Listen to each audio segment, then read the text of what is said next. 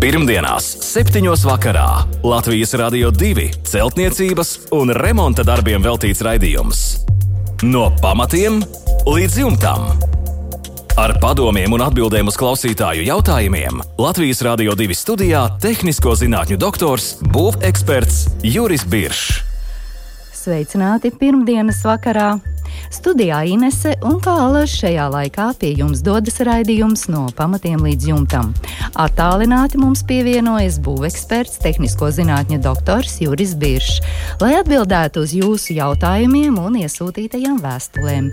Labvakar, Birškungs! Labvakar! Laiks darbam! Jā, kā, kā vienmēr. Kālaš, kālaš šajā laikā. Jā. Un šovakar sāksim ar ilgvara vēstuli. Daudz dzīvokļu mājas renovācija. Māja tiek siltināta ar akmens vati. Vai dībeļiem, ar kuriem stiprina vati, ir jāliek virsū akmens vates tabletes, vai arī nav jāliek? Projektā tas ir paredzēts, bet būvzraugs apgalvo, ka šiem dībeļiem ejot S1 nevajag. Un vēl kādi ir iespējamie akmens vates stiprināšanas veidi? Nu jā, šeit, šeit ir tāds uh, specifisks gadījums. Protams, ka pamatā jums visiem jāatcerās viena lieta. Tā kā ir projektā, tā arī ir jābūt. Ja mēs nomainām, projektā ir paredzēti cita tipa dībeļi, tad viņiem jābūt arī atļaujai ka tiek nomainīts ar šo tipu, kas nav. Ja šai gadījumā eh, jautājums ir pavisam vienkāršs. Eh, tā, ja visiem dībeļiem pamatā ir metāliska skrūve, tad šajā gadījumā šiem, šī, šī tipa, ejotēm S1 tipa mm, dībeļiem, viņiem ir plasmasas tas eh, skrūve, un katrā gadījumā tā siltuma caurlaidība ir samazināta minimāli. Mini, minimāli. Mēs varētu teikt tā, ka, ka šie dībeļi neveido augstuma tiltiņus, teiksim, siltumizolācijas materiāla masīvā. Un, un tāpēc no šādas viedokļa skatoties, viņiem īpaši šīs tabletes, šīs akmens vats tabletes it kā nebūtu vajadzīgs. Bet es ieteiktu ilgvaram stingri piekodināt tam pašam būvuzraugam, jo ne jau, ne jau šeit ir tā vaina tik daudz, ka tas augstums tiltiņš veidojas. Parasti nelaime citur, kad mēs ar dībeli mm, piestiprinām Um, nu, vispirms ir mums visiem jāsaprot, ka akmens vate tiek pie fasādes līmēta pa kontūru, mazliet pa vidu, bez gaisa tātad starpkārtas, maksimāli cieši klāt ar līmi. Pēc dažām dienām viņu stiprina mehāniski ar dībeļiem. Tātad līme priekšfiksācijas precīzas un dībeļi vajadzīgi, lai mehāniski piestiprinātu, lai viņi mehāniski stāvētu, turētos tur. Nu, tad lūk, kad mēs viņu piestiprinām, vai to mēs gribam vai negribam, vai arī to uh, strādnieks var īpaši neievērot, mēs viņu iespiežam nedaudz vatas masīvā.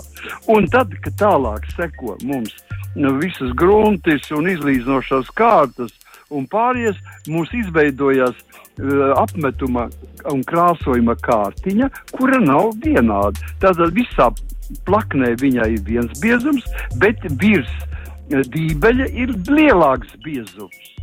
Jūs saprotat, mēs esam mazliet vairāk paņēmuši to javas kārtiņu virs dībeļa. Viņš ir mazliet līdz ar to šī, šī vide ir ilgāk zaudē mitrumu un viņa ir tumšāka. Viņa var veidot saules gaismā, viņa var ja uzturās lielāks, lielāks mitrums un saules gaisma, tad var veidoties arī pelējums šajā vietā. Tā kā e, pielietot ejotermu S1, es uzskatu, var bez vatas tabletēm, pienoteikumu, ka tiek ievērots virsējais apetuma slānis vienāds gan virs e, šiem dībeļiem, gan visā pārējā platībā. Ja viņš būs dažāds, būs redzams šīs vietas, būs redzami no tālienes, redzami apaļi, nu cik viņiem tur 60 mm diametri, tādi apli būs redzami. Uh mhm. -huh. Tas ir, man liekas, daudz nepatīkamāks nekā augstuma, uh, augstuma tiltiņš. Jā, paldies, Birškungs, par atbildi Ilgvaram. Nākamā vēstule mums ir no Kristapa. Padomju laikā celta gāzbetona saimniecības ēka ar skārda jumtu. Gāzbetona sienas ir nelīdzenas, nekvalitatīvas, vietām caur šuvēm pat spīd gaisma. Vienā ēkas galā vēlamies ierīkot pirtiņu, raksta Kristaps, un arī atpūtas telpu. Atpūtas telpai no sijām bērniņos daļēji noņemt pārklājumu dēļus, lai būtu liela platība ar redzamu jumta konstrukciju un izmantojumu jumta nišu. Un vēlamies siltināt sienas atpūtas telpā, jumta konstrukciju un arī pirts telpā sienas un griestus. Un Kristaps vaicā, kādus materiālus jūs ieteiktu izmantot siltināšanai un arī apdarēji, un, protams, ar ko būtu jāsāk šie lielie ieplānotie darbi. Jā, darbi daudz bet ir viena lieta, par kuru es skatos, ka uh, Kristaps nav padomājis, un tas jāpadomā pašs pirms.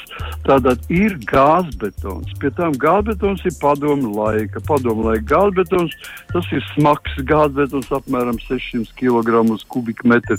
Un viegli tātad uz ūdeni uzsūcošs materiāls.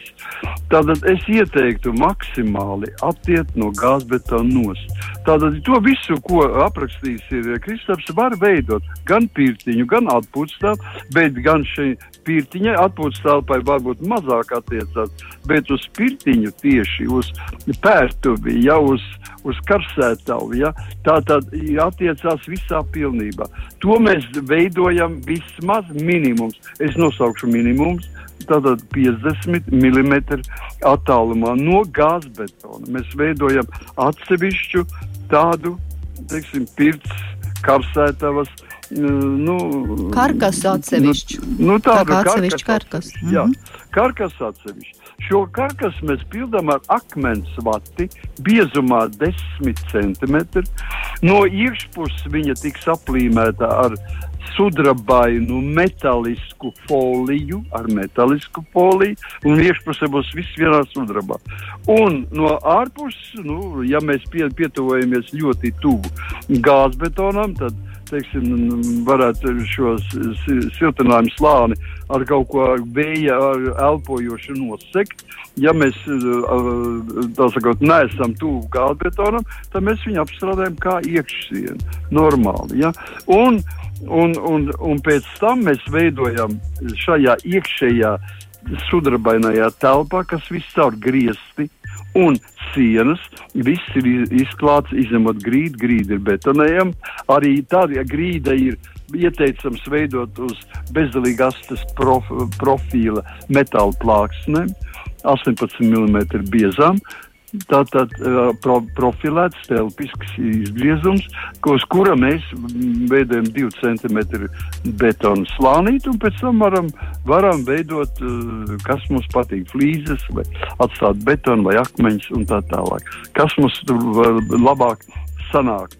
Un pēc tam iekšā šajā telpā sienas mēs atējam atkal par 5 centimetriem nost un veidojam dekoratīvo apšuvumu, kas ap, ap, no apakšas no grīdas ir 8 centimetri pacelts uz augšu. Tāpēc, ienākot par ieejas durvīm svaigam gaisam, tas plūst pa garu grīdu uz priekšu un viņu velk velk šī vilkme uz augšu, aiz šī dekoratīvā apšuvuma, un tālāk grieztu rajonā viņam ir kaut kur ventilācija, kas to ar, ar piespiedabas ventilāciju, ar difuzoru palīdzību var regulēt. Lūk, tas ir pamatā. Arī atpūtas telpai var to pašu darīt, tikai tur jāuzmanās, jo tur būs, teiksim, nebūs griezti, bet tur būs ja redzami jumta, spāris redzams. Tātad šai gadījumā arī labi siltināts. Visas vertikālās daļas ļoti labi siltināts. Pamatā tas arī ir viss. Jā, paldies par atbildi Kristabam. Tiešām darbu darāmo ir krietni daudz. Un turpinām mēs ar Ilzas atsūtīto vēstuli un jautājumu, un Ilzi ir pievienojusi arī fotoattēlu. Un raksta, virtuvē malkas plīts, blakus skurstenis ar jau tādu padilušu, drūpošu cementa apmetumu. Tas ļoti labi redzams pievienotajā attēlā ko un kā darīt, lai skurstenis būtu dekoratīvs, glīts un, protams, arī pildītu savas funkcijas, un kādus materiālus izmantot, un, protams, kāda ir darba secība. Jā, nu, šeit, šeit varbūt tas visā pilnībā es nespēšu dot tādu. Uh, tādu tiešu atbildi, jo galu galā tā ir ļoti bīstama lieta. Tas ir skurstenis. Skursteni jāpārbauda vispirms ir skursteņa laukiem. Ja? Tātad vietējam skursteņa laukiem viņš pateiks, vai viss ir kārtībā pašam skurstenim. Ja? Tāpēc no fotātāla ir redzams apmetums, kas apakšējā daļā ir atlupis, un apakšējā daļā viņš ir nedaudz rāda, ka e, skurstenis nedaudz svīdis. Viņš ir brūns, gan ir melns bet uh, cauri apmetumam nekas nav gājis. Tas nozīmē, ka tad, kad apmeta viņu, pēc tam vai nu svīšana tika pārtraukta, vai uh, tas kurstenis maz strādājis pats par sevi. Tātad, jebkurā gadījumā es ieteiktu sekojošu. Tātad, nu, skurstenis lauķis pateiks, vai iekšas ir stabils, vai var kurināt un laist dūmu, dūmgāzes. Par to atbild skurstenis lauķis. Es pateikšu sekojošums. Vispirms izklaudzinām šo apmetuma zonu, virs kursteņa, un ja jūtam, ka viņš kaut kur ir atlecis nos, bez žēlstības viņu noplēšam nos. Ja viņš ir stabili klāt, tad lai paliek tikai tik, kurie nokritis dabīgi. Pārējais, lai paliek. Tad visu šo virsmu Mēs gruntējam, tātad attīrām, protams, mehāniski attīrām viņu, ar sukām varam arī viņu, viņu tā sakot, saspiestu gaisu, ar ūdeni nevajadzētu, mēs viņu samitrinām tikai, no, mēs viņu attīrām, samitrinām ļoti maigi un noklājam ar gruntējošu sastāvu. Gruntējušais sastāvs ir e, sintētiskā lateksa emulsija, To pār, var dabūt gatavā veidā zem nosaukuma būvmateriāla veikla, zem nosaukuma super. Tātad šis super ir tiek ņemts viena masas daļa un parastais portlands cements divas masas daļas. Jeb tilpumā viena tilpuma daļa super un diva, pusotras tilpuma daļas Portugāles cements. To mēs samaisām kopā bez ūdens, bez, bez kādām papildus smiltīm, un uz šīs viegli samīdzinātas virsmas uznesam apmēram milimetru kārtiņu. Tātad nokrāsojam ar šādu sastāvu, kas ir pēc konsistences līdzīgs zobu pastai. Kad tas ir izdarīts, ļaujam viņam uh, tātad sakalst, un sakalst viņš apmēram būs ciets, ja viņš būs apmēram pēc divām stundām. Uh, apmēram 20 grādu, nu, ap, aptuveni 20 grādu Celsija temperatūra. Divas, nu, maksimums 3 stundas viņš būs savs. Pēc tam veidojam ap šo, ap šo skursteni. Tajā zonā, kur jums ir vajadzīgs šis skaistums, veidojam no viegliem ģipškartona uh, profīliem, viegliem, viegli metāla profīliem, veidojam karkasiņu un Viņu pie, ar dībeļiem dabūjām klāt pie ķieģeļiem. Šo karkasiņu pildām ar akmens vati. Tātad 5 cm akmens vate, cieta akmens vate. Un pēc tam, kad viss tas ir smuki, smuki un aizpildīts, mēs viņu apšujam uz šiem pašiem profiliem ar uguns izturīgu riģipsi. Tālāk, man liekas, vairāk nekas nav jāsaka. Tālāk jūs viņu šo riģipsi varat uh, spaktelēt, varam krāsot ar jebkuru krāsu, jebkādā veidā, lai mēs būtu tātad subjektīvi, nu, teiksim, būtu, mēs būtu apmierināti ar šo dekoratīvo mm, noformējumu. Tas viss. Jā, paldies, bet pirmais darbs ir zvans skursteņas lauķim. Obligāti, bez tā vispār nevar būt nekāda runa. Jebkurā gadījumā vienmēr ienākot kādā mājā, kura ir plītis, krāsnis, skursteņi, dūmvadi. Pirmais mums jāsazinās ar skursteņa slauķi un jādabū no viņa rakstisks papīrs par to, ka ir apsekots, kas ir sliktākā stāvoklī, kas ir labākā, kas ir jādara. Tas ir obligāti prasība būvbaldes mm -hmm. prasība. Kas kurstenis ir drošs? Eksploatācijā jā, drošs. drošs, tad mēs tālāk varam to darīt. Jā, jā paldies Birškungs par atbildi Ilzei. Pirmdienās, 7. vakarā Latvijas Rādio 2 celtniecības un remonta darbiem veltīts raidījums. No pamatiem līdz jumtam. Ar padomiem un atbildēm uz klausītāju jautājumiem Latvijas Rādio 2 studijā - tehnisko zinātņu doktors, būveksperts Juris Biršs. Nākamā ir ievas vēstule. Uzbūvēta gāzbetona 375 mm bloku apkurināma saimniecības ēka, kuru nav paredzēts siltināt. Kāds ir pareizais rīcības plāns, lai fasādi apmestu ar dekoratīvo apmetumu? Un vai pirms dekoratīvā apmetuma uzklāšanas gāzbetonu blokus nepieciešams apstrādāt? Ja jā, tad ar ko? Un kāda ir darba secība? jautāja Ieva. Jā, nu, šeit ir, šeit ir tiešām, nu, bet ar šiem darbiem nodarbojas būvnieki un nodarbojas speciālisti tieši, kas nodarbojas ar fasādes apstrādēm un tā tālāk. Bet, jebkurā gadījumā, visiem tas ir jāzina, un, ja cilvēki to grib zināt, mēs varam par to parunāt. Un tātad, Pirmkārt, nedaudz mani uztrauc tas, ka ir gābetona 375 mm bloku siena, kuru bez, siltinā, bez siltināšanas mūsu klimatiskos apstākļos, nu, par dzīvošanu tur nav ko runāt. Viņa pirmos divus gadus stipri pelēs, bet, ja temperatūra var būt kā saimniecības ēkai, tātad zemāka kā apdzīvojama ēka, tad tā lieta varētu būt cauri. Tikai laba ventilācija vajadzīga. Tātad ko mēs darām ar pareizu mm, fasādes mm, ap, apstrādi? Nu, Pirmkārt, ļoti jau ja pareizi paredz, šīs gābetona blokus ir nepieciešams iepriekš apstrādāt. Gābetons ir visādā ziņā brīnišķīgs materiāls, ja viņš ir sauss, bet viņš ārkārtīgi teiksim, skaudīgi cenšas iegūt jebkuru pilienu mitrumu. Ja? Un, ja viņš dabūna mitrumu, viņš cenšas viņu saturēt un ļoti grūti no viņa dabūt to prom. Tāpēc mūsu galvenais uzdevums ir pirmkārt radīt virsmu, kura maz uzsūc ūdeni. Nu, parasti šādiem nolūkiem lietot tā saucamā dziļumgruntis, dziļumgrunts, kas ir ļoti daudzām firmām, visām firmām ir šie dziļumgruntis iekšā. Bet jūsu gadījumā es ieteiktu ne tikai dziļumgrunti, vai ir labās, labām firmām, ir, teiksim, ir speciāli tātad gruntis stipri uzsūcošām virsmām.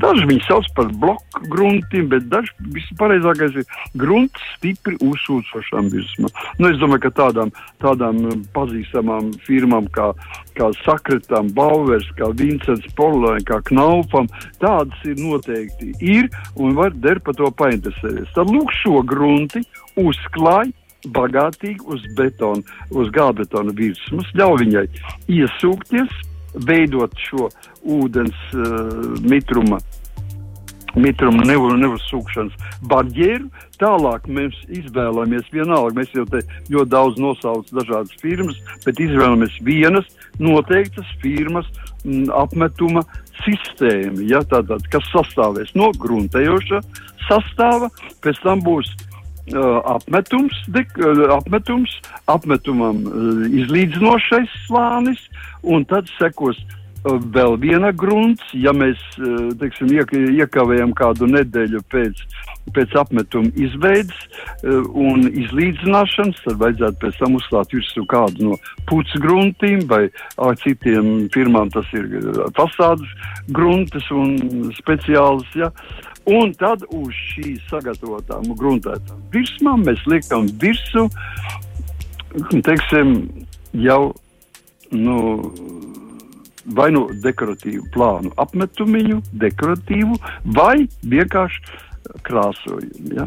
Un tad mēs mm, viņu, teiksim, iet, man es personīgi ieteiktu viņu baltas krāsas apmetumus vai baltas, jo tiem viegli piemeklēt baltas krāsas izlīdzinošas sastāvs, var dabūt ļoti skaists virsmas un krāsot to pašās beigās visas sienas uzreiz sagatavo krāsu daudzumu un vienlaicīgi nokrāsot. Tas ir tas pats pareizākais, kā varētu būt. Jebkurā gadījumā visi sastāviem jābūt ir ūdens tvaiku caurlaidīgiem. Ja, Tātad mēs sakām elpojoši sastāvdaļu. Nekādā gadījumā nedrīkstam aizkavēt. Tas nozīmē, ka pats beidzamais slānis, teiksim, krāsojušies slānis, viņa ūdens tvaiku difūzijas koeficientam jābūt ir mazākam vai vienādam, teiksim, 0,3, 0,2 metri. Ja. ja mēs ja skatāmies uz pasi. Lūk, tas ir arī praktiski. Es jau arī tādā darba secībā mēģināju to teikt. Jā, ļoti izsmeļoša atbilde. Ievai, paldies! Jautā klausītājs! Un nākamā klausītāja, kas mums ir atsūtījusi savu vēstuli un jautājumu, ir Evita.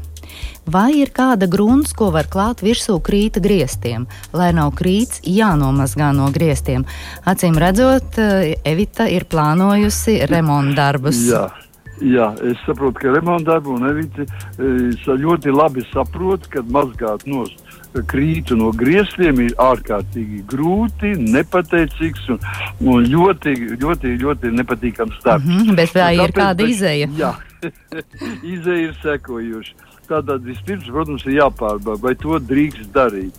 Tātad visvienkāršākais, ko var darīt jebkurā gadījumā, mēs vienkārši samitinām griestus, ņemam špakteli un uh, visu no šo, šo biezo kārtu parasti jau uh, krītu klāja nu, vismaz 3-4 reizes, un tad tikai sāk domāt par to, ka darētu viņu mazgāt. Nu, ja viņš ir, noteiksim, divu, vienu vai divas vai trīs reizes, tad droši var iztikt ar dziļuma grunti.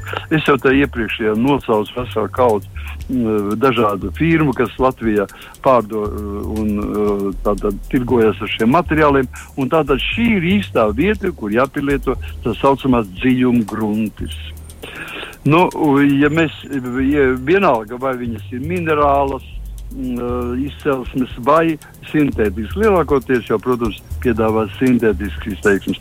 Tad mēs viņus atšķēdām ar ūdeni un klājam bagātīgi uz griestiem, kas veidos nu, teiksim, tādu virsmas, virsmas struktūrēšanu, un pēc apstrādes šādu dziļumu grunti, ar pirkstu pārbraucot pa griestiem, viņi vairāk nekrāso balvu. Tātad viņa jau ir, ir struktūrēta, savākta un nekrīt arī nost. Ja viņa krīt jau pie, pie mazākā samitinājuma, nos, tad tur neko darīt nevar. Tur ir jāņem ar špakteli un pēc tam ar, ar, ar, ar sareni viņa kārtīgi ir jāmazgā. Mhm. Tātad, jā, nu, cita, citas iespējas nav. Jā, paldies par atbildēvitāju. Un šovakar raidījumu mēs noslēgsim ar ārņa atsūtīto vēstuli un jautājumu.